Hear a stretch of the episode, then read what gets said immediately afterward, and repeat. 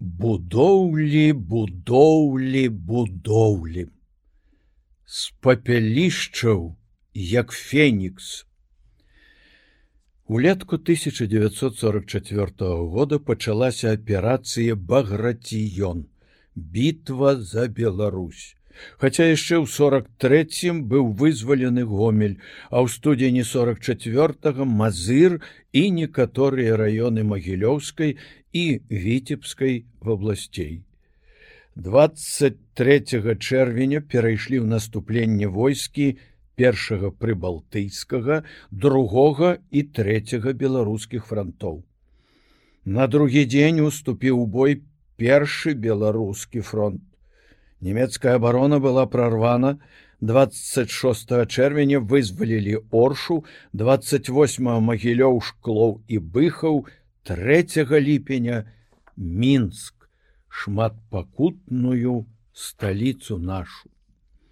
Немцы траплялі ды траплялі ў котлы. Мужны салдат і партызан была невераемная Падчас баёў у Беларусі фашысты страцілі жывой сілы паўтара раза больш, чым пад Сталінградам. Партызаны захоплівалі гарады масты пераправы чыгункі. У канцы ліпеня тэрыторыя Беларусі была поўнасцю ачышчана ад акупантаў. Пасля быў Берлін і перамога над Японіяй. А потым, калі прыйшоў мір, засталася зямля, якую немцы зрабілі зонай пустыні. Цяжка ў некалькіх словах расказаць, як вялося яе адраджэнне, ператварэнне ў тую сонечную зялёную зямлю, якую мы ведаем. Скажу толькі, што цяжкасці былі дужа вялікія, што нястомнай працай людзей рэспублікі былі пабудаваны новыя гарады, такія як новополацк і салігорск светлагорск і белаазёрск новолукомль і жодзіна пастаўлены бярозаўская дрэс і лукомльская дрэс самая буйная ў еўрапейскай частцы саюза працуе на братнія рэспублікі пабудаваны гродзенскі азотна-тукавы магілёўскі лаўсанавы пінскі трыкатажны баранавіцкі баваўняны самы буйны ў ссср і іншыя заводы. Знойдзена нафта на паўднёвым усходзе ля вёскі гарывада дзе даўно заўважаны былі прыкметы зямнога тлушчу. Знойдзены за апошні час прамысловыя запасы жалезнай руды. Ну і ясна салігорск магутныя камбінаты па здабычы калійнай солі. Я памятаю яшчэ малады слаба забрукаваны горад, а пад ім палацы, іначай не скажаш, гладкія туннелі, чырвоныя сіняватыя з пражылкамі, бліскучымі плямамі і разводамі. Гэта было цікавей і жывапісней, чым у маскоўскім і кіеўскім метро.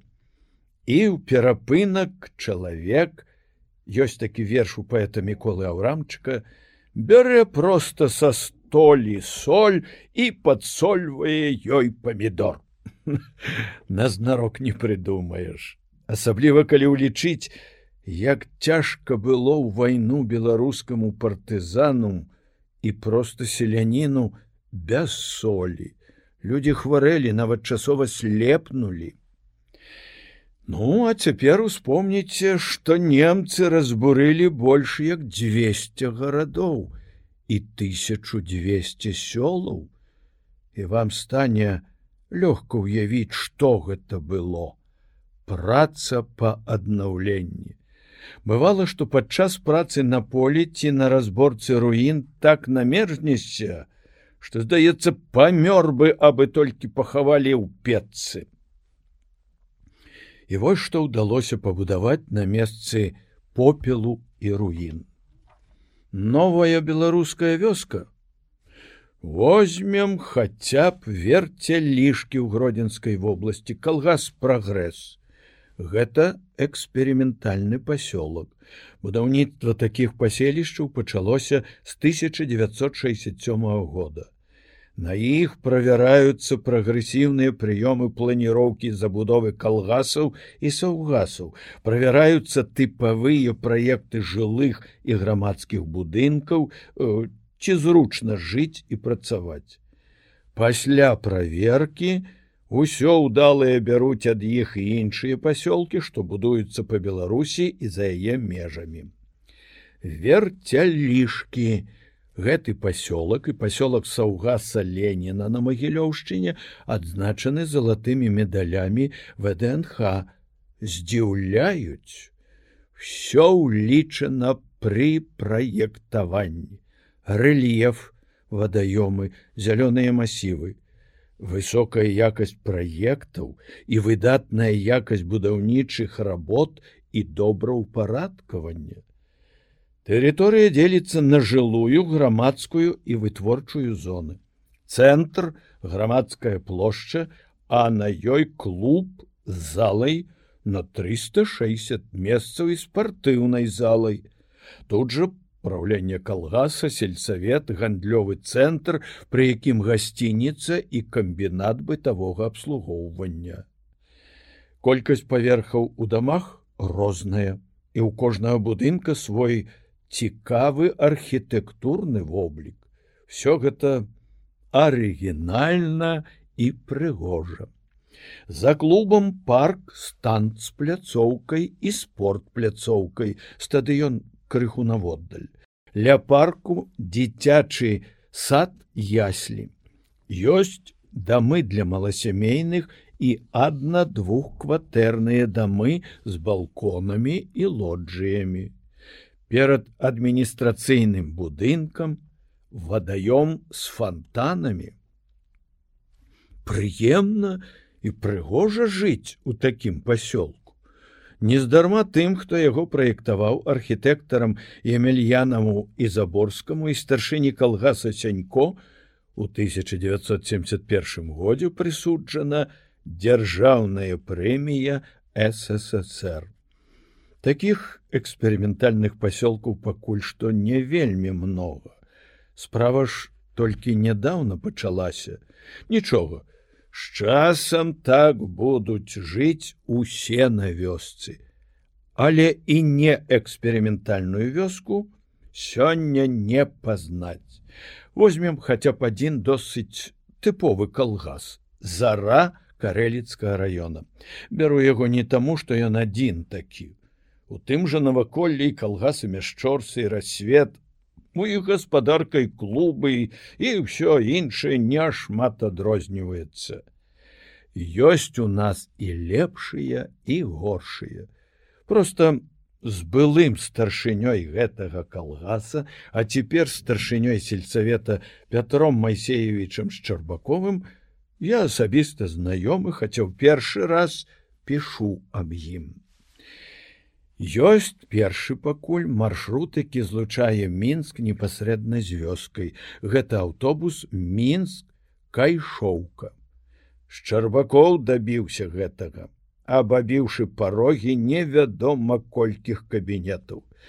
У калгасе свае дарогі, добры выхад на шашу, спрэс асфальтаваныя вуліцы, Яна своеасабліва прыгожая кайшоўка со сваёй зелянінай з палямі белой чырвонай канюшыны. У вайну яна праўда не была разбурана, бомбілі толькі, бо тут былі партызаны, але ўсё адно, колькі ж у гэтай вёсцы было мёртвых. У памяці іх установлена ў скверыле праўлення гранітная стэла. Яна ўся спісана зверху да нізу.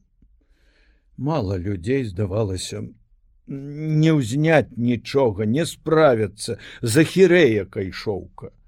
А зараз тут клуб, якому стаяць бы ў горадзе з дужа багатай па колькасці па густу бібліятэкай, старшыня раней быў настаўнікам, а пасля дырэктарам школы, спакоямі гурткоў з глядзельнай залай, якой бы і тэатр позайздросціў. У размове са мной шчарбакоў скардзіўся толькі на тое, што ніяк не можа выцягнуць з горада нават за хорошую зарплату добрага кіраўніка аркестра і драматычнага калектыву. У кайшоўцаў наладжаны таксама побыт. Лазня, газавыя пліты, тэлевізары, пральныя машыны, Людзі тут дзівосныя. Гэта галоўнае. Перспектывы, якія стаяць перад рэспублікай вельмі шырокія будуць развівацца малыя гарады будзе 36 тысяч грузавых аўтамабіляў у год будуць мільёны тонн нафты будзе 143 тысячи тонн ільновалакна будуць прыбраны камяні з палёў і з часам зямля наша стане зямлёй дзе паўсюль можна прайсці босым не параніўшы ног. Да гэтага ідзе.